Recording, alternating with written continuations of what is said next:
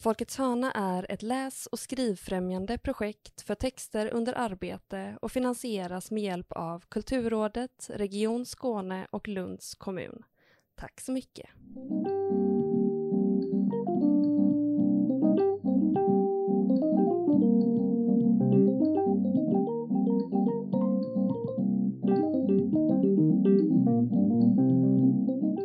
Hej och välkomna till Folkets hörna, en podcast om skrivande. Jag heter Emilia Palmén och med mig har jag Agnes Stenqvist och eh, dessutom Patrik Lundberg. Hej! Hej hej! Hej! Eh, först och främst tack för att du tar dig tid och pratar med oss. Alltså du måste ju ha sjukt mycket att göra nu för tiden. Ett eh, pressat schema. Ja, jag har ju mycket, men sen har jag ju så inga vänner och sådär, så jag, jag är glad vad med bra. lite så, social interaktion. Toppen. Eh, vi sitter här i Kristianstad nu. Eh, också någon så här paus du har mellan dina eh, uppdrag. Eh, du har ju fullkomligt liksom eh, exploderat efter eh, Fjärilsvägen, måste man ändå säga, och efter ditt sommarprat. Eh, har du någon tid att skriva nu för tiden? Det börjar ordna upp sig lite, så utan att låta för mycket som Björn Ranelid så har jag varit med i alla tv-program man kan vara med i och eh, alla radioprogram och Du alla har betat tidningar. av dem nu helt enkelt. Ja, det är bara Babel jag har inte varit med i, men eh, det ska jag vara med i eh, i november. Ja, vad kul. Fan vad roligt. Så då är alla liksom boxar ikryssade till slut. Ja, Ja, vad skönt. ja Blir det semester då? Eller är det bara tillbaka till eh, skrivandet i sig? ja, det är väl bara ner i gruvan. Ja. Men ja, vi har ju läst eh, Fjärilsvägen nu innan eh, vi kom hit faktiskt. Det var jättetrevligt att få göra det. Vi eh, krigade till oss varsitt recensionsex. Ehm, och vi kommer ju prata lite om Fjärilsvägen, men eh, vi är väl mest kanske intresserade i liksom hur det gick till, hur den kom till, eller hur, det liksom, hur man skriver. Um, och um, Ja, alltså man kan väl hoppa rakt in om du, alltså hur ser liksom din skrivprocess ut? Hur kom, hur började, hur börjar man skriva en, en roman som Fjärilsvägen? Helt enkelt. Jag började egentligen för eh, kanske två, tre år sedan. Jag eh, ville skriva en essä i Expressen Kultur om Edward Louis bok eh, Vem dödade min far? För jag hade fått reda på att den skulle komma ut. Så jag läste den först på engelska, sen läste jag den på svenska. Och då förstod jag på något sätt att eh, hur han beskriver det franska klassamhället och relationen till sin far.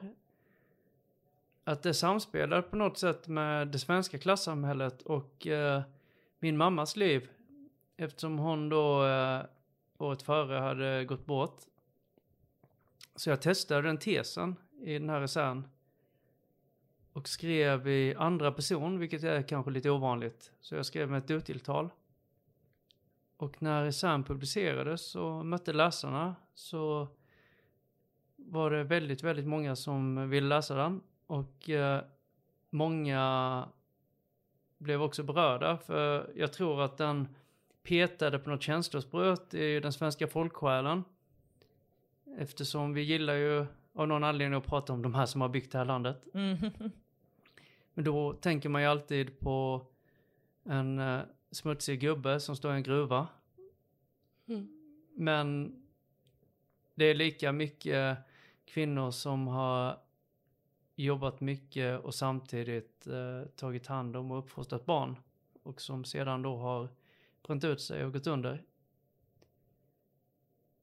Och när den här essän kom ut så hörde nästan alla bokförlag i hela Sverige av sig och frågade om jag ville skriva. ja.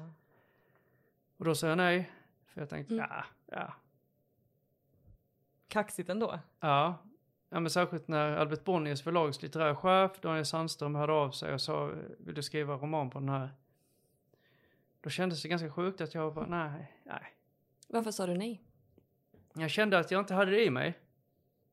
Att det var kanske ingen bok. Men sen tänkte jag i några veckor och tänkte, vänta lite, tackade jag precis nej till så Bonniers litterära chef? Så jo, det gjorde jag, men jag kanske ska ringa upp honom då. Ha ett till snack. Ja, så träffades vi och pratade och, eh, och liksom pratade oss fram till att det faktiskt finns en berättelse bortom berättelsen om just min mamma som växte upp i nordöstra Skåne ungefär, där vi sitter just nu. Mm. Och eh, hur hon levde sitt liv fram till att hon dog. Och då satte jag igång min skrivarprocess.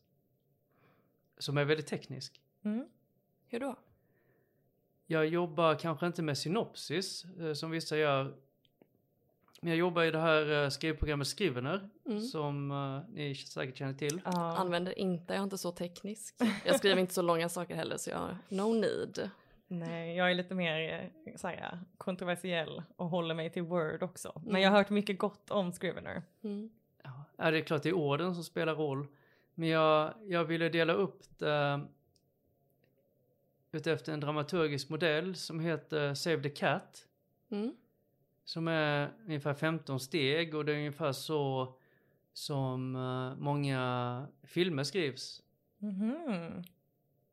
Eftersom jag ville inte att det jag skulle berätta liksom skulle stå i, stå i vägen, alltså berättaren skulle inte stå i vägen för läsaren utan snarare att det skulle förenkla för läsaren så att, så att det jag vill eh, säga litterärt eh, får stå i centrum och att det ska vara byggt på en modell som eh, många läsare känner sig bekväma i och känner igen. Särskilt många läsare som kanske inte brukar läsa skönlitteratur vill ju också nå.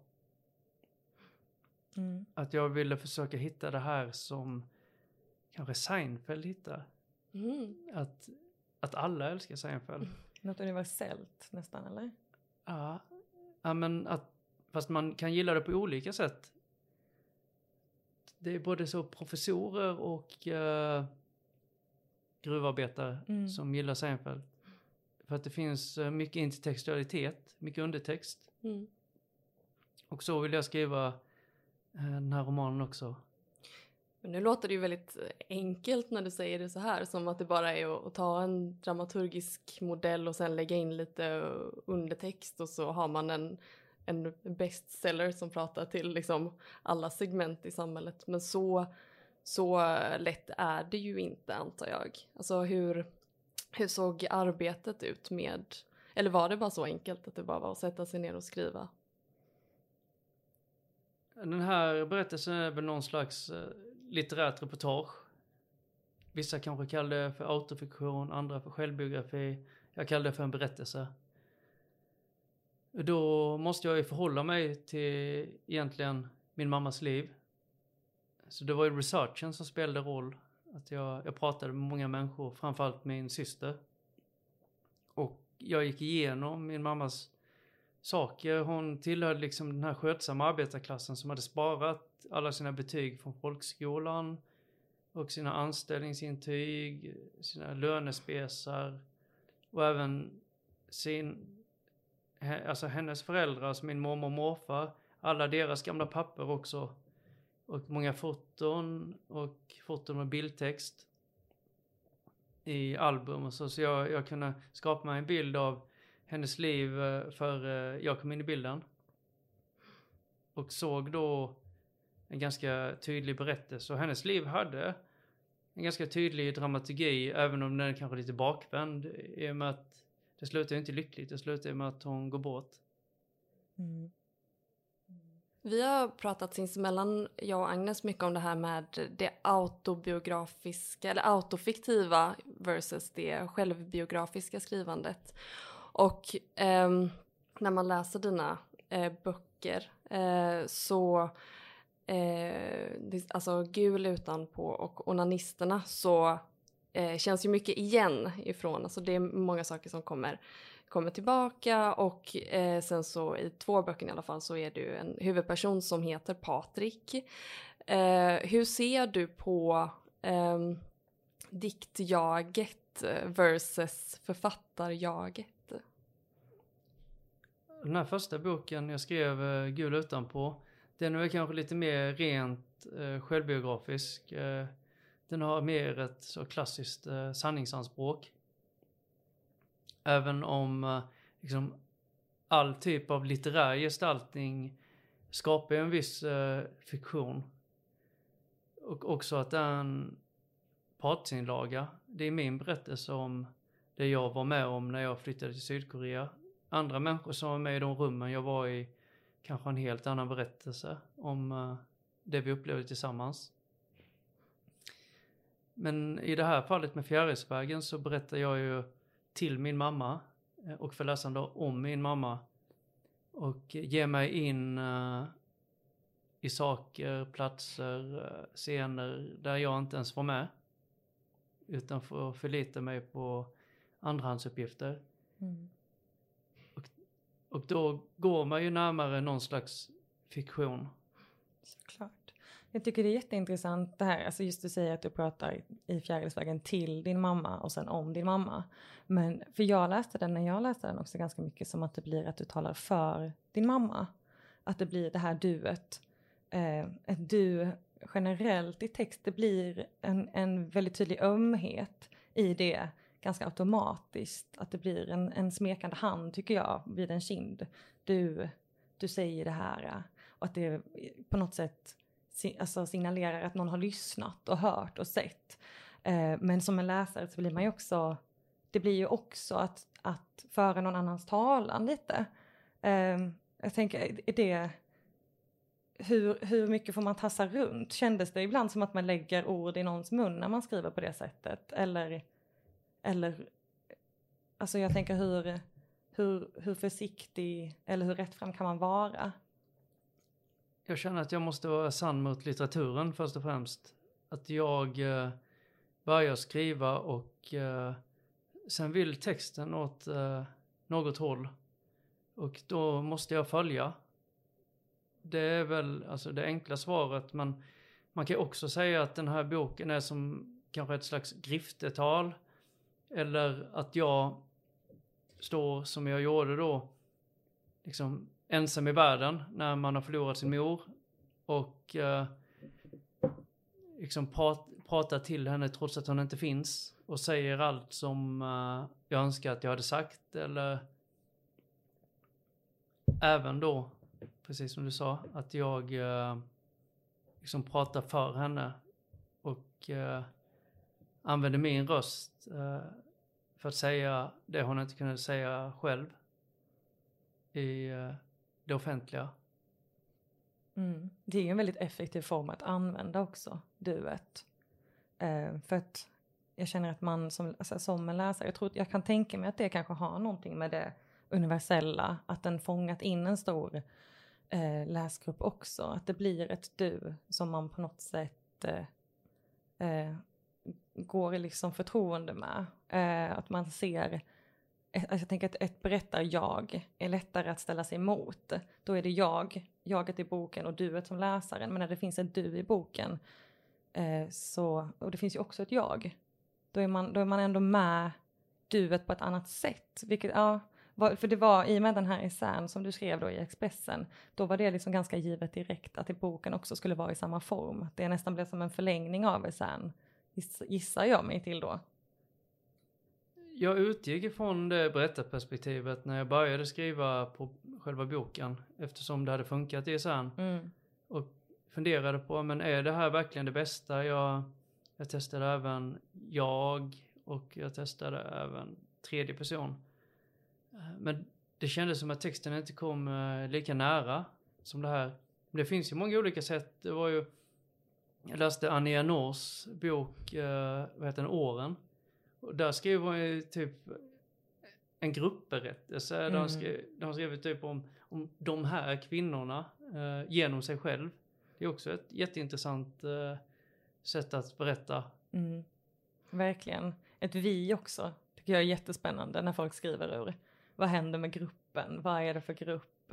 Man blir också, där blir man också som läsare när man läser en vi-berättelse så himla engagerad och blir en del av vi tycker jag väldigt ofta. Mm. Um, det är jättespännande alltihopa.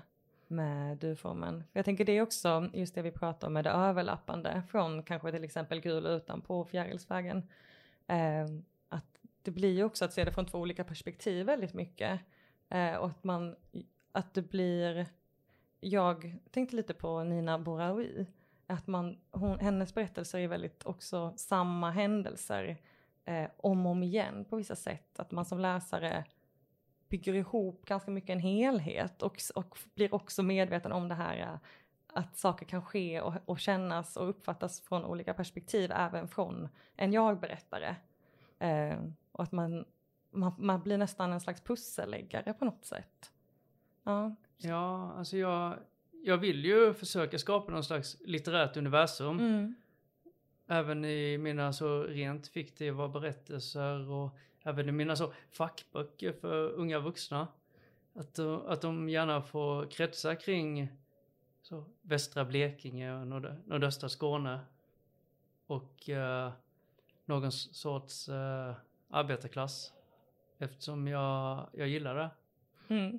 Do what you like. Mm. Ja. men det är också vad jag kan. Mm. mm. Det är vad jag kan. Mm. ja. Ehm, du var ju också med i Folkets hörna eh, år 2017 va? Eh, vad hade du med för text då? Kommer du ihåg det? Ja. Vad var det för något då? Jag hade med mig en eh, skönlitterär berättelse. Mm. Som utspelar sig i Sölvesborg? Nej. Nej, men eh, det utgår lite från Sölvesborg. Men mm. den här är faktiskt eh, väldigt frikopplad från mitt liv. Mm. Mm.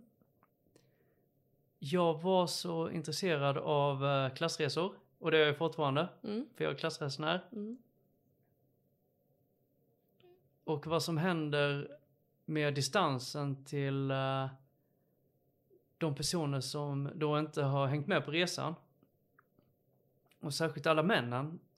Jag, jag tänker jättemycket på män hela tiden. Eftersom när vi pratar om uh, alltså, den nya världen, det nya samhället, så, så pratar man ofta om männen både som förövare och som förlorare. Och jag tror att uh, båda bilderna är sanna. Och jag vill utforska det litterärt genom att uh, skapa en herrklubb. Mm. Mm. För vad många inte vet är att runt om i Sverige så finns det tusentals små herrklubbar som skapas av barndomskompisar. Som bor på olika ställen, gör olika saker men som kanske gör en resa tillsammans per år. Och så fortsätter det. Ja. Eh, från att eh, de kanske då är 25-30, ja fram till de dör. Så jag hade skapat en sån där liten herrklubb som jag vill gestalta. Så det var det jag läste. Gud vad härligt. Mm. Är, det, är du med i en herrklubb själv? Ja. Det är det? Ja. Gud vad kul, så då har du ändå också det, det personliga eh, insikten. Var du med ändå när du hade skrivit det också? Ja, vi hade väl eh, precis eh, startat den. Men det var mer, det fann, när jag kom in i det här, vi är bara fyra stycken. Mm. Så var det faktiskt för att eh, det fanns en massa andra herrklubbar och av någon anledning så hade, hade vi då aldrig blivit inbjudna i någon sån. Och det, det är liksom inget fel på oss. Vi är helt okej okay personer. Men uh, det fanns flera herrklubbar från Sölvesborg och vi stod ensamma och då startade vi en egen. Och genom åren så, så kommer det fram så många saker. Alltså när, när män sitter i, som mindre grupper och, och diskutera. Att vi kan prata om eh, liksom saker på ett annat sätt. Det är ett fritt rum. Liksom. Ja, mm. ett fritt rum som inte är ett omklädningsrum. Ja. Mm. Men också att det kommer fram mycket, mycket vackert men också mycket fult. Mm. Och att ibland är det jättehögt i tak och ibland är det jättelågt. Mm. Och jag har ju hört från andra herrklubbar, inte bara från Sölvesborg, men att det, till exempel grupptryck är en så intressant grej att det följer med till och med när personer är kanske upp mot 50 år gamla. Om de är i Prag, vad vet jag.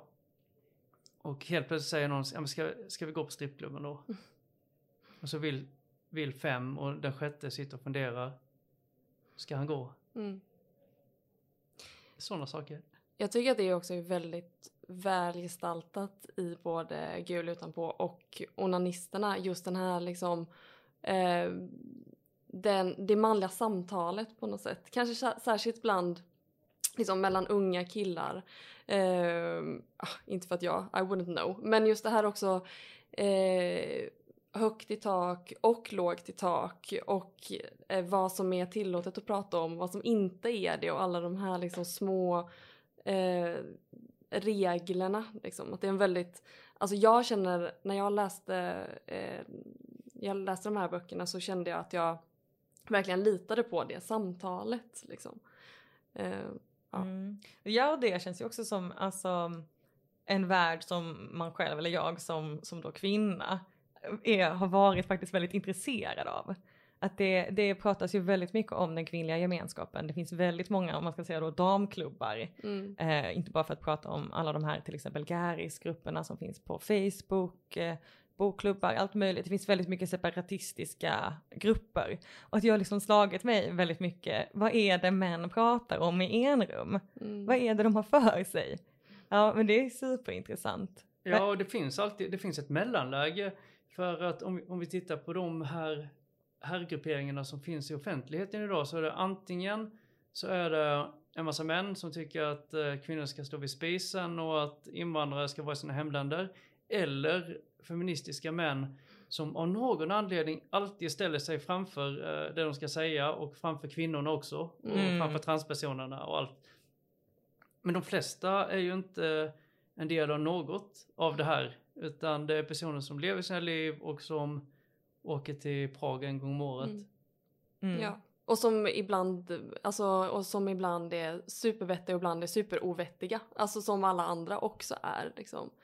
Mm. Eh, Ja, och, och när den här jargongen är jag så intresserad av som kan uppstå bland män. Till exempel om, om ja, men ett exempel som jag inte tar i någon bok som jag varit med om. Om vi sitter och spelar poker, mm, kanske. Sitter och spelar poker. Och så är det någon som får en kung och en knäckt. mm, Så säger han kanske, kolla jag fick bögpar. mm, Och så undrar man, ja men vad är det han försöker säga med det? Ja, Det är kanske något roligt men ofta när man säger någonting så tror jag man säger det för att inte behöva säga något annat. mm, Eller för att man inte har något annat att säga.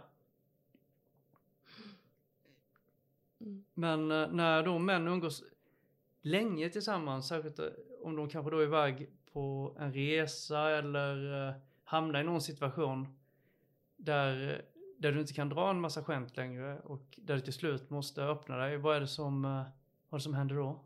Mm. Och det var det som då den här texten i Folkets hörna handlade kring, eller handlade om. Ja, det hann väl inte riktigt, in, riktigt djupt in i det. Mm. Men eh, jag är intresserad av vad, vad som händer när människor som har känt varandra från barndomen uh, liksom ska mötas igen Mm. i vuxenlivet. För det finns så mycket, vad kan man säga, hierarkier som är inbyggt och de hierarkierna grundas redan typ på förskolan och liksom om du är extrovert eller introvert, om du är fysiskt stark eller inte. Mm. Snygg eller ful. Ja, Allt sånt det är ju jätte, jätteviktigt i den åldern också. Kanske inte just förskolan där men när man kommer upp i åldrarna också. Ja. ja och sen ehm, liksom när ekonomi också spelar in. Mm. Mm. Så jag är, jag är så intresserad av eh, så, ekonomi. Mm. Men vad hände det någonting med den texten sen? Eller fick den liksom eh, samla damm i eh, skrivbordslådan istället? Nej, jag, jag började utveckla den men sen kom ju det här emellan med uh, Fjärilsvägen. Så då fick jag lägga, lägga, ja det blev mer än ett år att skriva den. Men det här är väl det nästa skönlitterära jag vill göra för jag vill verkligen uh, spinna vidare på det här och gå mer mot uh, ren fiktion. Mm. Gud vad spännande. Eh, då är det liksom en liten teaser nästan inför nästa, vad, vad som komma skall. Herrklubben av eh, Patrik Lundberg. Ja. Ja. Ja. men jag tänker att det, att det ska vara det. Eh, jag, jag vill utforska så, män eh, på något vis. Det kan jag säga, men sen vill jag, jag vet ni kanske är likadana, att det känns som att Eftersom jag tycker om att skriva vill jag skriva allt. Jag vill skriva en diktsamling, jag vill skriva sakprosa, eh, jag vill skriva essä, jag vill skriva Mm. krönikor och romaner. Jag känner hur igen gör mig. man? Ja, jag Jag känner, känner igen mig. inte igen mig. Nej, du skriver, du skriver ingenting eh, längre än Nej. eh, tio sidor, höll jag på att säga. Men jag känner igen mig jättemycket i det. Eh, och att jag tycker det är en jätte, för mig är det nästan en jobbig tanke. Eh, nu är jag inte heller en publicerad författare, eh, men det, det jag skriver så känner jag hela tiden att om man sitter och börjar på nya projekt eller man får nya tankar och man vill göra allt eh, och att man, jag kan känna också kanske just på grund av att jag är en opublicerad författare eller skri skribent, att jag är så rädd att råka nischa mig. Eh, Och att hamna i något slags, i en kategori där, det, där jag känner mig låst. Att om jag, om, jag, om jag skulle bli publicerad med den här romanen, då kommer jag vara den här typen av författare. Och då kanske ingen är intresserad av mitt sen, eh, jag vet inte, liksom fantasy, dikt, epos som jag också vill skriva. Eh, men också, dels det, dels rädslan för att nischa sig känner jag. Och sen också, eh, hur ska jag hinna? Hur ska jag hinna skriva allt det här? Alla de här stora, eh, liksom magnum opusen som jag vill få ur mig. Som ändå ligger här och gror någonstans. Mm. Men du känner inte igen dig alls i det? Nej. Nej men eh, jag, jag känner nog mer så kanske fast med andra former. Att man vill, jag vill göra mycket olika grejer. Men jag tror att jag också känner väl att jag har hittat vad jag tror att jag är bra på. Och sen så vill inte jag göra någonting annat för jag vill inte vara dålig på någonting. Eh, så jag gör bara det här. Men ehm, och jag skriver liksom kortprosa då, kanske en och annan essä ibland. Men de är också så här, vet inte om jag, jag har så svårt med att veta om, om, det, om det är något att ha, om det är bra. Mm. Som sagt, jag är väldigt driven av beröm. Mm. Ja, jag tänker alltså att veta att något är bra, det kan man väl inte alltid. Man kan, jag tror att man kan känna när man skriver i sig att man drivs av det man skriver. Att, att det finns någonting man vill få ut, någonting man vill skriva. Eh, och då tror jag att man får lita på den driften. Mm. Eh, att det finns någonting i det. Eh, och sen tycker jag också att, att väldigt ofta är det någonting man, inte, man är ovan vid att skriva. Eh, och att, ja men kanske där att man behöver just berömmet, man behöver någon annans ögon på det. För att man är liksom utanför sin comfort zone. Ja. Mm.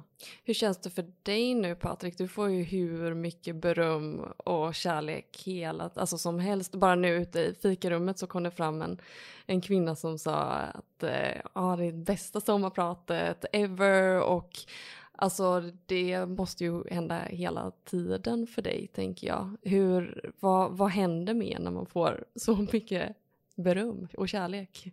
Jag får passa mig för att lita för mycket på dem.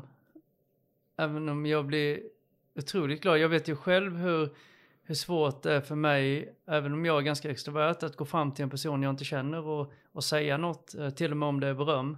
Då har de verkligen tagit sig tiden att säga något eller att skriva ett mail eller skriva på Messenger. Så jag embracear det så mycket. Men om jag hela tiden lever i det att jag har, jag har gjort något bra, då, då är risken att jag blir lite mätt också. Utan jag vill fortfarande försöka känna en hunger och i det ligger väl det att till nästa projekt eller nästnästa försöka göra något jag inte har gjort förut, som jag är osäker på.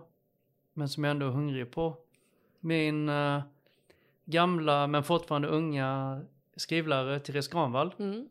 som är inblandade i, som är djupt inblandade i Folkets hörna. Ja. Hon eh, sa till mig att det är viktigt att kanske försöka hitta sitt guld. Och med det tror jag hon menar att när jag hittar det här projektet som jag bara inte kan sluta skriva och som verkligen känns i hela kroppen som jag känner att jag bara måste få ut.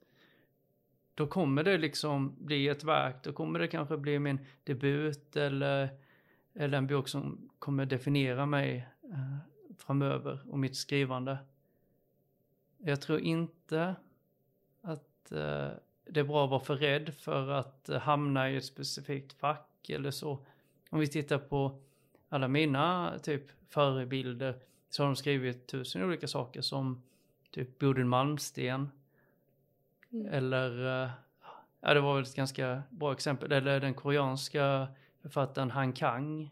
Mm. Eh, nu har hon ju tre stycken romaner på svenska men hon har skrivit så koreanska barnböcker, essäer, hon har gjort musik. Mm. Allt möjligt. Ja. Jo men det är ju också lätt att säga när det är någon som har ett, ett, en stor katalog men om man som liksom debutant alltså ska komma ut med någonting så är det ju det är också läskigt att tänka att ja, det kanske är det här det blir. Alltså i retrospekt så kan man ju se att ja men vilken bredd men fan läskigt från början ju. Ja. Absolut. Men också, en ägg, också äggande mm. tycker jag. Just det här ja. med att man har, man har så mycket vilja i sig och att man vet liksom att att jag tycker att det kliar i fingrarna. Just, ja, men samma sak att man, eller jag kan bli det väldigt mycket när jag läser någonting nytt. Att jag känner, men det här vill jag också göra. Liksom att jag har som en lista hemma i mig där jag bara skriver upp ja, men spänningsroman. Och sen blir det en, en 800 sidor lång dikt-epos och sen efter det vill jag skriva om en pjäs, en, en antik pjäs och sen vill jag göra det och det och det. Och att man är, att men att man drivs väldigt mycket av det ändå. Kan väl få låta sig göra det, eh, tycker jag. Eh, ja, det hämmar väl inget. Nej men jag tänker liksom, när jag ser på er, det ser jag inte de som uh, uh, lyssnar, men alltså, alltså det verkar som att det liksom bubblar inom er att ni bara vill vill få ut era grejer till... Uh, Vi vill låta väldigt mycket. ja, till allmän, allmänheten. Mm. Och det är fantastiskt och det betyder antagligen att ni kommer lyckas också. Uh, men jag ser en risk, eh, och det talar egentligen emot det vi gör. Mm. Det är ju när man pratar för mycket om sitt skrivande, då tror jag att man också skyddar sig från att skriva. Då tror jag att um, till exempel när man pratar om skrivkramp, skrivkramp smittar av sig på andra och till slut så sitter alla och pratar om sina fantastiska projekt och gör allt annat utom att skriva och det är för att skydda sig, det är för att man är rädd för någonting. Utan det som faktiskt blir gjort är ju är det ni skriver. Och att ni, ni måste sätta er ner även när det inte känns bra. Det är vad jag tror. Vad tänker ni om det? Mm. Jag tycker det finns två olika sätt att prata om skrivande. Det finns dels att skriva eller prata om och kring och som du säger att liksom eh, jag menar att, eh, ja men jag kan inte skriva just nu, jag är i en dålig period. Eller, ja nej men haha, jag är så dålig på att skriva, det blir inget just nu. Och sen finns det liksom pratat om skrivande som till exempel respons, eller att vara nere i texten och prata liksom text helt enkelt. Eh, vilket jag, vilket jag tvärtom känner är jättegivande. Um, men jag håller med dig om det också, att det, det, jag tror absolut att det är ett sätt att skydda sig själv. Uh, och att man vet, alla, jag tror många, man jobbar på väldigt olika sätt med hur man skriver. Alla har lite sin egen skrivpraktik, sitt egen, sin egen process. Vissa behöver gå upp klockan sju varje morgon och sätta sig för att liksom få någonting gjort. Vissa känner väldigt mycket att man måste vänta på den här inspirationen. Um, men jag känner det själv personligen att jag har lärt mig det att jag, jag kan absolut vänta på inspiration och flow. Men väldigt ofta är det bara att få den här tummen ur röven. Att mm. bara sätta sig ner, öppna datorn, ta fram sitt Word-dokument och, eh, och bara börja knata mm. eh, på tangenterna. Och så blir det ofta någonting av det där. Ja, det blir ju definitivt något mer än om man inte gör det. Men också det där, hur fan ska man liksom hitta, hitta tid? Alltså för vi har ju precis, jag och Agnes har precis gått två underbara år på Skurup skrivarlinje och du har ju själv, du har gått journalistik på Skurup men också eh, Författarskolan. författarskolan på Lund. Ja, Och det var där du träffade Therese väl? ja. Ja.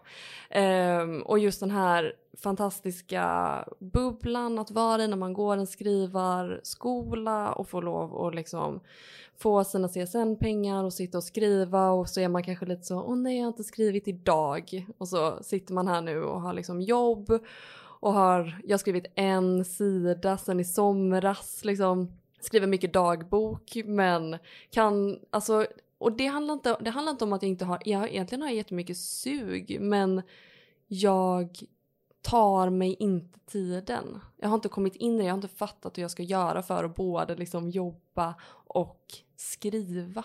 Alltså det är ju en ekonomisk grej också tänker jag. Så just med så här CSN, lön, så. Mm. Hur känner du kring det?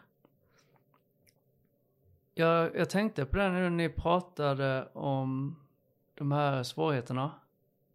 Och för mig så brukar det bli så att jag kan skriva alltså ett första utkast från nästan början till slut på bara några veckor.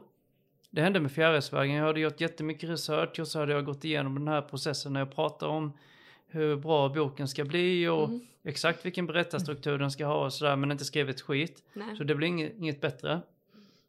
Sen åkte jag till Gran Canaria Mm. och eh, bara skrev dygnet runt i eh, en vecka. Sen fortsatte jag bara skriva, skriva, skriva. Så jag hade, hade mitt manus. Men det som skiljer tror jag, eh, ett sånt manus från eh, en utgiven bok eh, som ändå mottas okej, är ju såklart eh, bearbetningen. Och bearbetningen be- kräver i alla fall inte av mig samma, samma flöde, samma sammanhängande dagar som det här flödesskrivandet kräver. Så det kunde jag ta med när jag inte jobbade med, eh, med tidning eller med föreläsningar och sådana saker. Sen är jag såklart privilegierad som har skrivtid också.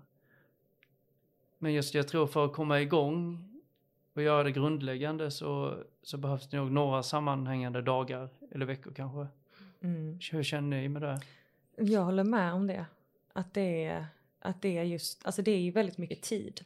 Att skriva, att vara en skrivande person är att behöva eh, ett eget rum. Nej men det är att behöva en plats att sitta på och tid att ägna dig åt skrivandet. Eh, först och främst. Och eh, Så jag vet inte om för egen del att det behöver vara så sammanhängande egentligen. Alltså jag tror mer, ja men sammanhängande i dagar men kanske inte i tid.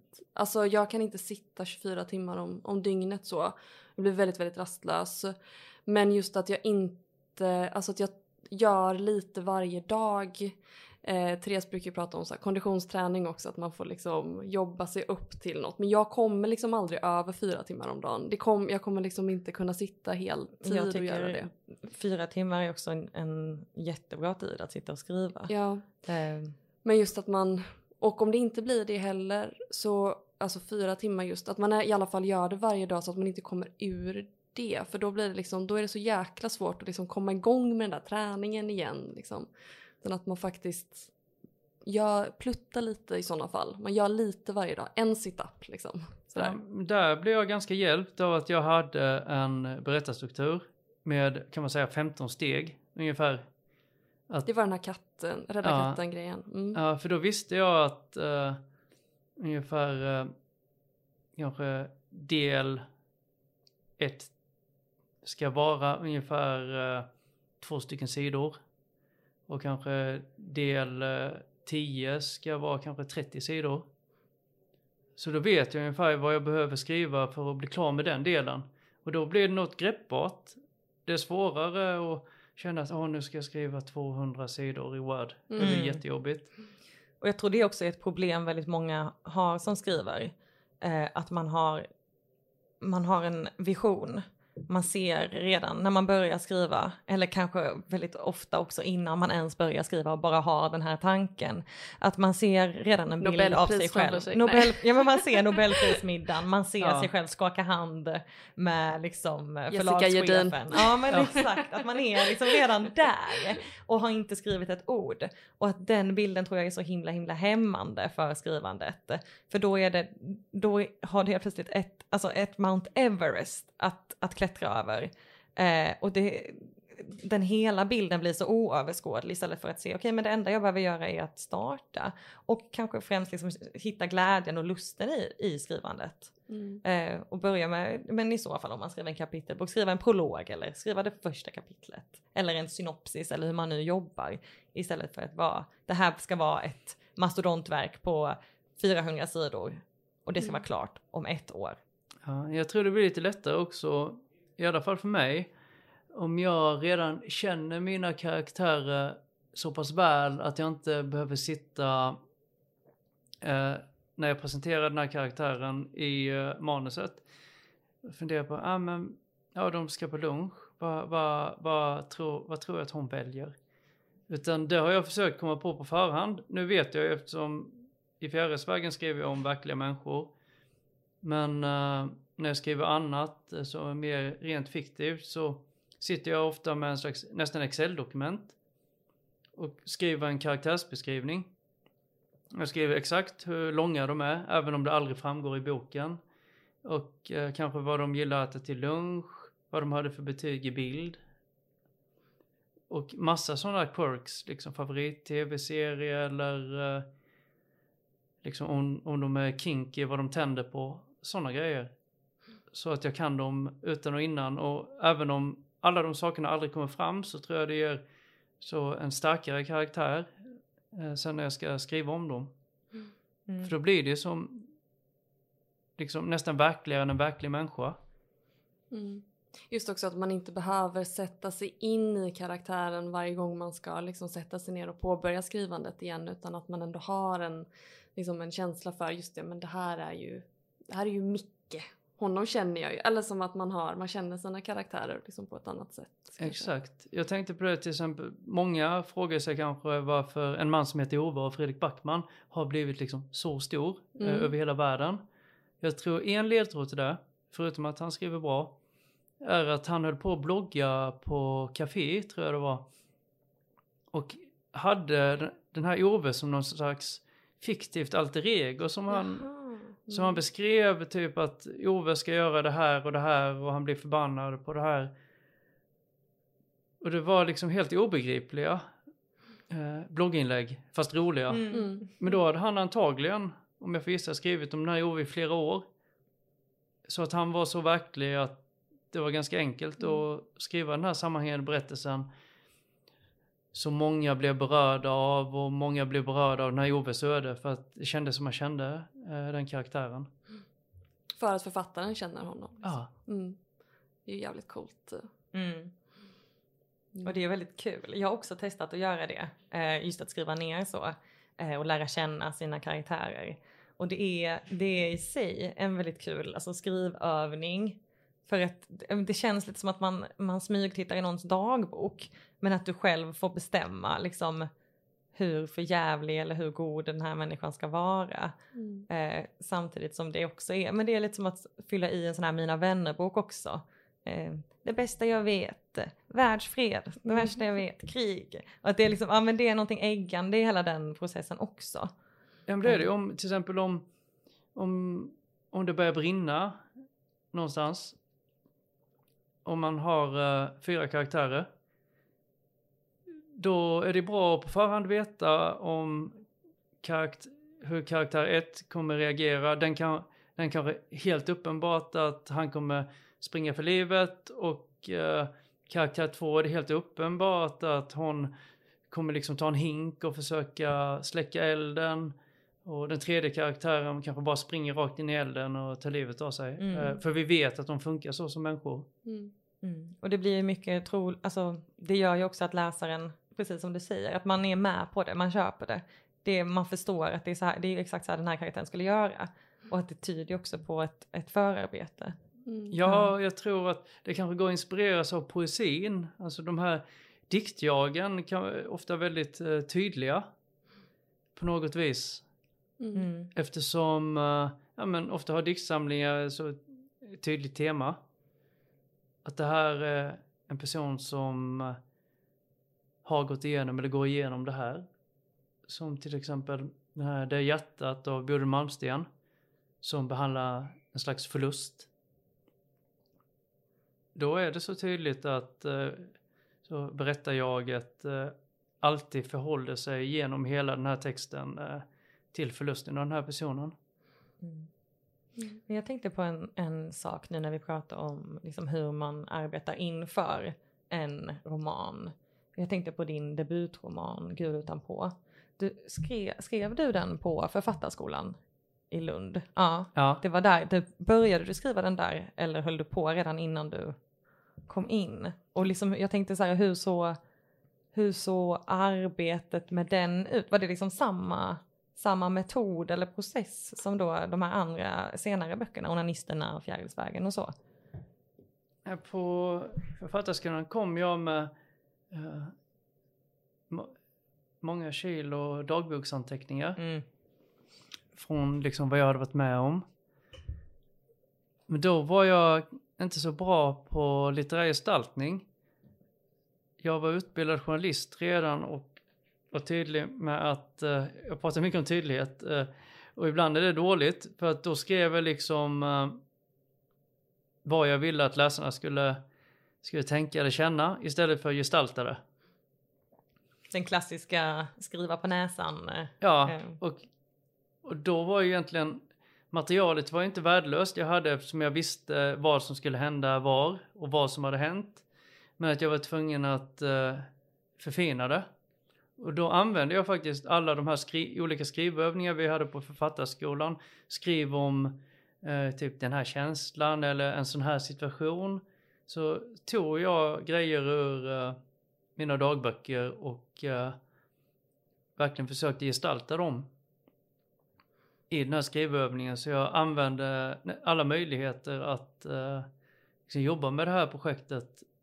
Och så var det så lyxigt att varje gång jag hade skrivit något så var det tio personer plus en pedagog som gav respons på det här. Och så använde jag responsen också. mm. För jag var ganska mottaglig för respons. Jag tänkte att jag var liksom sämst i klassen på, på allting och det var jag säkert också. Så jag såg jättemycket upp till mina studiekamrater och till mina pedagoger. Det betyder mycket liksom att jag inte slog ifrån mig när, när de tyckte något. Jag kände att om nio av tio säger det här, då, då ligger det nog något i det, även om den tionde säger att det är jättebra, du behöver inte ändra något. Mm. Mm. Det är ju svårt det där.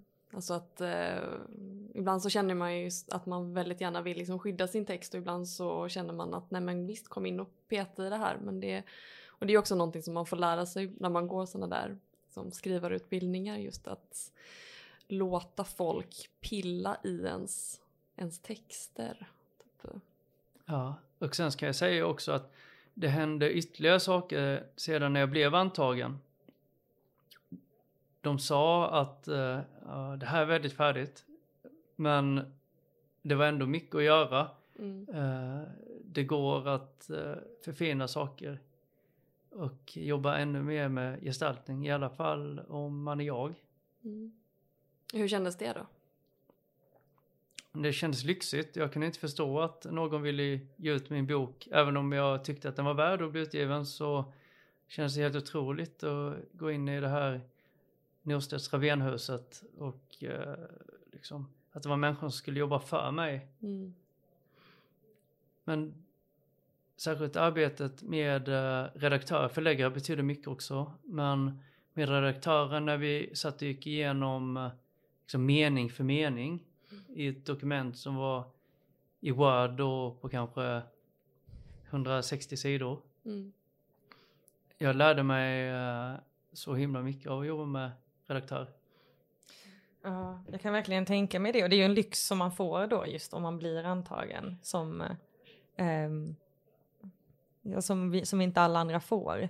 Men där, är- jag kan tänka att någonstans ändå att man skulle kunna li likställa också ändå respons, eh, eh, alltså att, att få respons och ge respons också ska man inte underskatta hur mycket man lär sig av det, att läsa andras texter och att själv gå in och peta i dem. Um, det är viktigt. Mm. Jag, jag lärde mig så mycket av att uh, ge respons. Jag tror att uh, personer som går skrivutbildningar, personer som sitter och skriver manus och vill bli antagna, tjänar på att uh, dra någon slags imaginär redaktörsrunda eller flera. Det finns inom journalistiken ett eh, slags uttryck som heter line by line. Och det är när, när du gör en granskning, kanske med massa viktig information och så har du skrivit texten, så går du igenom uh, mening för mening och, och kollar, har jag bäring för det här, stämmer detta? Och har liksom källor på allt, det gör journalister. Jag tror att skönlitterära författare och eh, poeter också tjänar på det. Att läsa mening för mening och fundera, liksom, vad säger det här, behöver jag det här stycket? Som de flesta gör, men alltså mer, ännu mer tekniskt. Och titta på, använder jag det här ordet som kanske är lite speciellt? Så på den här raden kan jag verkligen ha det på tre rader ner också. Och så gör jag sökningar på vissa nyckelord som jag märker dyker upp hela tiden. Den kan vara jobbig. Ja, men jag tror det ökar eh, professionaliteten i texten och liksom ökar möjligheterna eh, att bli antagen på något sätt. För jag tror det är det kanske som eh, många förlag menar när de säger att någonting är färdigt eller att någonting är ofärdigt. Mm. Jag eh, redaktörsläste en, en kompis manus som ska komma ut nästa år. Och eh, det kommer bli en bra bok. Men jag märkte att hon hade skrivit ordet helt.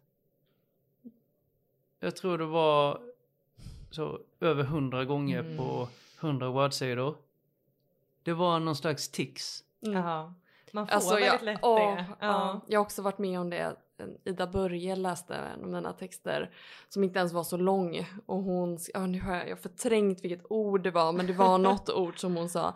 Men Emilia du använder det här i varannan mening typ. Var det inte aldrig och alltid? Aldrig och alltid kanske det var. Mm, aldrig och alltid. Och det är också sådana förstärkningsord ju Mm. som helt liksom. Ja. du har ju gett mig det också. Emilia har Ja. läst mitt manus. Eh, och lite så försiktigt. Och så här, du skriver som väldigt ofta. Mm. Ja, och det, är- alltså det är ju ovärderlig eh, information att få. För att man blir lätt också så himla hemmablind med sin text. Man ser det inte själv. Och, och så blir man också så här, ja men hur många andra har sett det här? alltså, det gör man ju inte alltid heller. Men ja, det är verkligen, och alla har såna, såna grejer för sig liksom. Men man blir, det kan bli liksom helt så kall när man tänker på det. Ja. Ett också problem som jag hade i början och som jag fortfarande har om jag inte redigerar tydligt är att alla karaktärer i mina böcker eh, fick det vara som verkliga. I mitt första utkast låter de likadant. Mm. De har samma röst Ja. och de pratar inte som personer pratar. Mm. Så det får, jag, det får jag jobba hårt med för att de ska ha sina individuella röster Mm. och inte bara att det ska låta snyggt för att människor pratar inte snyggt. Nej. Då är det att gå in i det där Excel-arket och skriva till den här personen säger helt Ja, mycket. Den här att- personen säger som mycket. Ja. Så är man safe. Mm. Nej. ja, nej men det är jättesvårt också tycker jag. Speciellt om man har en, alltså om man inte jobbar så mycket med dialog i sina texter. Eh, men har det då och då. Då känner jag att det är väldigt svårt att få till de här olika rösterna. Att det är mer gestaltande eh, som väger upp. Och att då är det väldigt lätt för mig också att de, att de hamnar liksom på samma, samma nivå, Mm. eh, rösterna. Eh, Ja, i, i Fjärilsvägen så försökte jag spänna bågen lite med dialog och eh, använda ett nytt grepp, i alla fall för mig, eh, som istället för bla bla bla sa hon, så skrev jag hon sa, eller du sa, jag sa. Och detta kan jag väl avslöja gjorde jag för att läsaren förhoppningsvis ska tänka att när jag skriver du sa, alltså om min mamma och så någonting, så vill jag att läsaren ska känna att hon sa det ofta. Att det Mm. var, att det är mantran jag skriver in, Mm. sätt att tala. Och att det inte är så, ja men typ plapp plapp, typ jag med väldigt mycket, eh, för att få, för att putsa bort eh, det här talspråkiga, men ändå ha det kvar. Mm. Mm. Men det är väl ett väldigt smart grepp, tänker jag också. Mm. Att använda just det. Och speciellt om det är den effekten man vill ha. Eh, tycker jag. Jag tyck, kände nog igen det, eller kände det i när jag läste också. Att det, att det ska man säga, föll igenom. Att den poletten trillade ner i min hjärna Mm. eh, väldigt mycket. Och det, blir också, det är ju också ett, stil, ett stilgrepp i sig. Eh, som gör det mer alltså, i den här återberättande formen. Istället för att det blir en vardaglig konversation som är en, i, en av alla. Ja. Men jag Ja. tänkte lite på, också på en, på en annan sak. Du pratade innan om det här med line by line och journalist och så. Och att, för du har ju gått också som vi nämnde både eh, författarskolan i Lund och eh, journalistlinjen på Skurups folkhögskola. Eh, och liksom hur, hur mycket, och det känns ändå att du pratar mycket om att du gjorde, gjort mycket research inför till exempel då Fjärilsvägen.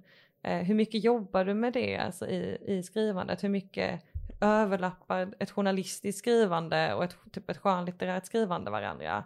Och typ hjälper de varandra eller hjälper de varandra? Eh, Ofta så är det en utmaning. Fördelen är att jag, jag har lärt mig att skriva snabbt. Mm. Och jag har inga problem att komma igång och köra för att det är bara att köra. Det svåra är ju lite det vi har varit inne på, att uh, i journalistiken ska det vara så tydligt som möjligt. Läsaren får inte missuppfatta någonting. Medan det blir, det blir inte bra litteratur. Så jag måste ligga på rätt nivå. Däremot har jag utvecklats som journalist för att det är bra att gestalta också, särskilt kanske miljö eller personer. Till det litterära så är det ganska bra att jag kan fatta mig kortare. Jag gillar personligen hellre böcker som är 200 sidor som liksom sitter bara "Åh", än eh, så 800 sidor så, med massa transportsträckor. Jag gillar när det är koncist. Fast sen kan det också, också vara koncist på 800 sidor. Jag tycker samlade verk är jättebra till exempel. Mm. Så det är inte så, men eh, det är viktigt för mig att ta bort eh, alla onödiga ord som inte betyder någonting utan vi, jag måste lita på läsarna. Mm. Spännande. Mm. Jag, jag tror så här att, att det är formen som påverkar hur vi berättar. Om vi tänker på sociala medier idag, så på Twitter skriver jag på ett sätt, på Instagram på Mm. ett sätt och på Facebook på ett sätt och på min Onlyfans. och På, nej, jag, har, jag har ingen Onlyfans. Fan! Nej, men, eh, men att formen påverkar och, och just därför så tycker jag det är viktigt med formen, alltså att jag väljer form eh, tidigt och testar fram en form som funkar. Eh, när jag skrev Fjärilsvägen så baserar jag den helt på berättarstrukturen i filmen Forrest Gump. Mm. Okej. Mm. Där är det ju Forrest Gump som sitter på en parkbänk Mm. och väntar på bussen. Som berättar om hela sitt liv. Och samtidigt berättar om den amerikanska nutidshistorien. Mm. Eller den gestaltningen av den amerikanska nutidshistorien. Och han säger hela tiden My mom always said. Ah, Du, shit. du, du. Oh my god, älskar sånt här. Ja. Ja. Och när jag bara hade hittat den här formen så, så var det precis som att allt bara öppnade sig för mig. Och Ja, att fan vad snyggt. Mm. Och att det just var Forrest Gump handlar ju om att det är min absoluta favoritfilm.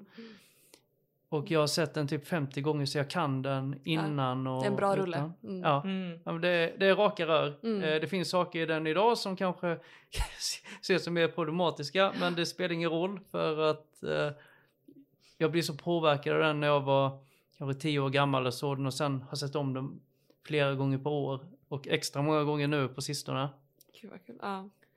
Jag tycker det är så himla tryggt också att ha någon, alltså något här, ett annat medie när man skriver som man känner knyter an till det man skriver. Som man då kan återvända till. Jag har haft så med vissa, alltså med till exempel Queens låt eh, Killer Queen. Att den är så, jag bara det känns som att de har läst mitt manus och sen skrivit den här låten. Och att jag kan lyssna på den om och om igen och känna nästan inspiration, alltså få direkt inspiration att skriva bara av det. Ja, Mm. ex- exakt. Det finns en annan också sån storfilm som jag på något sätt har inspirerats av. Det är en film som heter Gladiator. Mhm. Mm. Heard of it? Har inte Mm. sett. Nej. Har du inte? Nej jag är väldigt dålig på att se film. Skämtar du? Mm. Det handlar om en, en, en man då vars eh, barn och mamma blir mördade av romarna. Och sen så blir han tillfångatagen och blir tvungen att vara då gladiator och slåss i Colosseum varje dag. Och han är ju otrolig på att slåss. Eh, han liksom klarar att döda alla och folk är så förvånade att han liksom inte är rädd för att dö. Och jag har hört att de här manusförfattarna skrev filmen att men den lyckades liksom aldrig komma till den punkten att det blev en perfekt film. Men det var någon i det manusrummet som kläckte till slut varför han inte är rädd för att dö. Och det var för att han vill dö. Hans enda sätt att bli lycklig är att återförenas med sitt barn och sin fru. Mm. Så det förklarar liksom hans dödslängtan. Och på något sätt försökte jag förstå varför min mamma led så mycket under de här åren och gjorde så många val som helt uppenbart var hemska för henne. Men jag kom på det sen att det var ju för att hennes enda dröm efter att hon skilde sig från min far var ju att jag och min syster skulle uppnå våra drömmar. Mm. Och det är ju i och för sig någonting som återkommer också i Gud utanpå och även så eh, fiktivt i onanisterna. Att det, att det finns en mamma som, eh, som liksom lever mer för sina barn än för sig själv.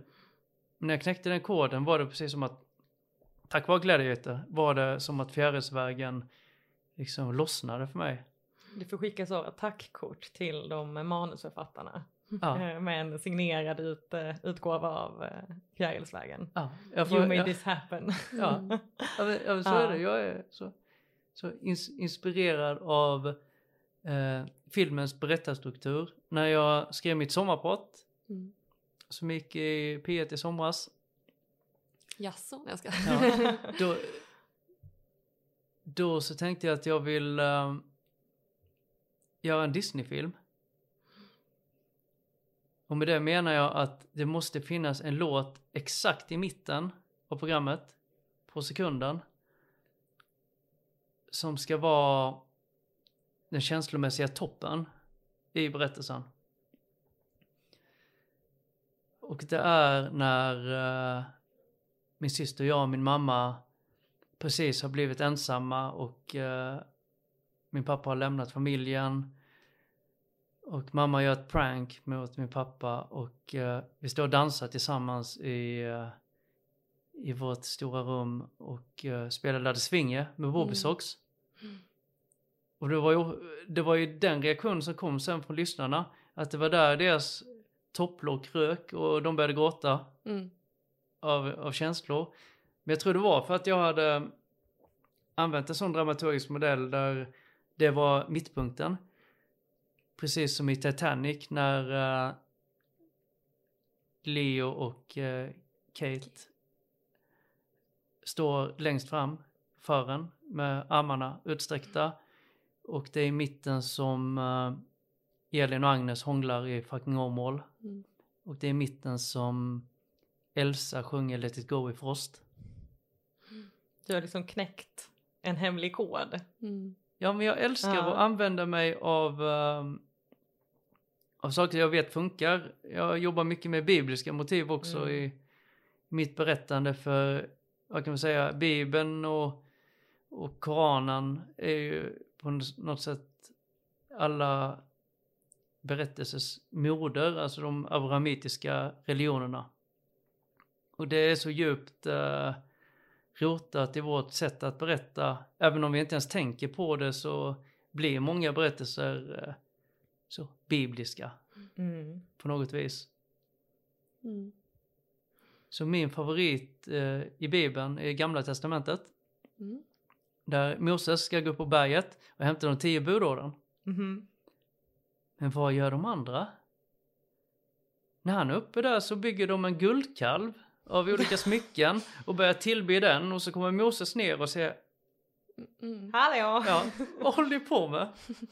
Och jag tycker den scenen säger allt om mänskligheten. Mm. ja, det är jäkligt kul faktiskt. Det är alltid roande tycker jag att läsa Gamla Testamentet. Ja. Och det är så himla mycket wacky eh, historier. Mm. Eh, men ja, okej, så dagens tips från Patrik är liksom hitta din form, kolla på din film, se hur de synar strukturen lite. Ja, men något i sätt. alla fall hit, alltså skapa egna regler för dig själv, för din berättelse.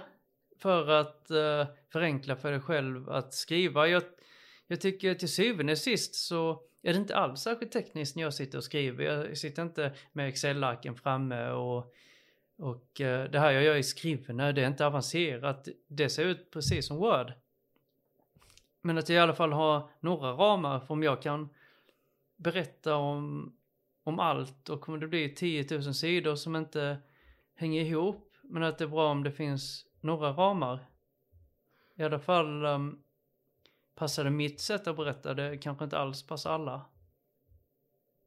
Värt att testa för den som sitter där ute och ska intresserad av att börja skriva Mm. eller sätta ihop sitt manus eller Gillar ju det här med ramar alltså. du gör det? Ja, älskar det. Ja, ja men för alla eh, opublicerade författare som drömmer om att bli publicerade där ute som lyssnar på det här. Mm. Klyschor finns till för att de stämmer. När kanske era skrivlärare eller när de ser respons på era texter säger någonting om och om igen, då är det antagligen sant. Mm. Och när människor säger saker så menar de det. Människor säger ofta vad de menar. Men man vill inte alltid tro på det för man vill något annat. Som om någon gör slut med dig och säger ja, jag vill inte längre. Då betyder det att den personen vill göra slut. Fastän man själv sitter och tänker. Men den, trodde, den tänkte nog fel, den kommer ångra sig. Ja, Ja, Mm. en stor sanning. Mm. Och med det så... Ja, jag Det- tänkte innan vi avslutar så om vi ändå är där. Mm. Eh, är det liksom, vad är det du skriver på nu? Ja. Får man fråga det? Exakt. Skriv, Ja. Om du skriver på någonting nu? ja det är väl egentligen tre olika saker. Mm. Det är ju dels en sakprosa men det är mer så journalistiskt. Där jag går igenom hela adoptionshistorien. Det, det, Det är kommer, det här mastodontprojektet som du håller på med. ja, det kommer ta tusen år. Mm. Sen så håller jag... Tryggt att ha det och hålla på med hela tiden. Ja, för då slipper jag publicera det. Ja. Men sen har jag det här jag pratade om, den här klubben som jag på något vis eh, vill realisera inom kanske några år. Sen har jag en diktsamling också. För jag, Okej. Mm, jag kan inte skriva poesi. Eh, same. Ja, men Same. ändå så, det, var- det var någonting, en dag, jag bor i ett helt nybyggt område i eh, Stockholm Mm. som är så jättelyxigt. Alla har det superfint och lägenheterna är, är svindyra och så. Och under corona så har jag gått mycket ute om dagarna och sett hur människor för sig och beter sig och liksom till och med pratat med människor. Och jag, jag vet gestalta det, jag tror det är poesi som är sättet. Så jag sitter och skriver, ibland skriver jag lite dikter om det här området när någonting byggs upp helt på nytt och det finns en massa förväntningar och en massa så vackra policydokument. Som, som jag tror jag vill gestalta i poesi. Fan vad coolt. Gud vad spännande! Väldigt Ja. spännande. Ja, men ja, ni skriver nog bättre poesi än jag. Du, ja, Ja, hopp, nej. hopp, hopp, hopp. Inte skrivit ett rim i mitt liv ska jag. Skriver bara limerickar. Ja. Ja. Nej. Nej. men gud vad spännande. Okej så tre liksom ändå eh, annalkande projekt som både är igång och ligger kanske och gror lite i dig. Ja, Ja. fast jag är, jag är lite av en quitter, det måste jag säga när jag slutar. Jag är Mm. en sån som har påbörjat många saker men kanske inte slutfört dem. Du har ändå slutfört en hel del grejer Ja, också. det har jag slutfört men vi det är ingen som vet allt jag inte har slutfört. Nej men det behöver man inte veta. Men, men jag menar att det som, det som går att säga om de saker jag har slutfört i mitt liv, vilket ändå är ganska mycket, det är att det både har funnits en passion för projektet och det här drivet, alltså det man kallar för grit, alltså Mm. ett jävla anamma. Att jag både har velat göra det och att jag har känt att jag inte kan sluta göra det. Mm. Och det är då jag tror det blir bra. Hitta, hitta ditt grit. Ja. Mm. Yes. Och med de orden. ja men vi säger väl tack så hemskt mycket till Ja, dig. tack så hemskt mycket. För att du ville vara med och snacka lite med oss. Mm. Ja det var supermysigt Mm. tyckte Ja. jag. ta, ja, tack till er och för att då återknyta till inledningen. Ja. Eh, för det är ju som man avslutar en bra berättelse. Mm. Så kan jag säga att ja, men, vad kul att äntligen träffa människor och prata med någon. Så det känns nästan som att, som att, som att ni är mina vänner, mina två första vänner i livet. Yes! Vi, jag tar Yes. gärna den rollen. Ja. Med glädje. Mm. Vi säger så. Vi säger så. Tack och hej.